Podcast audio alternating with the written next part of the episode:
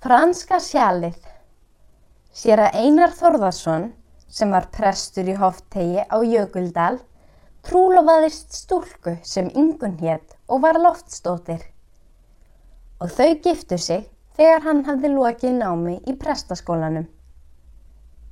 Það var einu sinni á námsárum Einars að hann fór í kaupstað og var þá spekulantskip á höfninni sem hafði margskonar varning til sölu. Þar sá hann meðal annars franskt sjál sem honum þótti svo forkunar fagurt að hann greip löngun til að kaupa það handa unnustunni og var það úr að hann gerði það.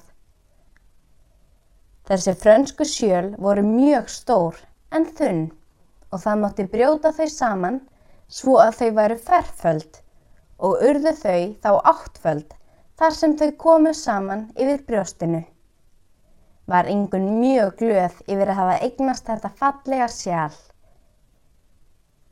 En rétt eftir að hún hafi eignast sjálið og lág í rúmi sínu sofandi, þá dreymir hana að hurðinni er hrundið upp harkalega og fríð og glæsileg kona vindur sér inn, með sjál eins og hennar tvöfalt yfir brjóstinu. Á hælum hennar er ungur maður með blíkandi hníf í hendi sem hann rekur á kaf í brjóst konunar sem hnýgur niður. En þá rekkur yngun upp af söfni með andvælum. Það fór svo að yngunni loftstóttur dreymdi þennan sama draum þrjár nætur í röð og að vonum þótti henni þær draumfærir ídlar. Var það til þess að hún fór að skoða sjalið nánar, en hún fann ekkert aðtugavert við það fyrir en hún hjælt því upp á móti byrtu og ljósi. Þá sáust í því áttan hýfstungur og þegar sjalið var lagt saman reyndust þær allar standast á.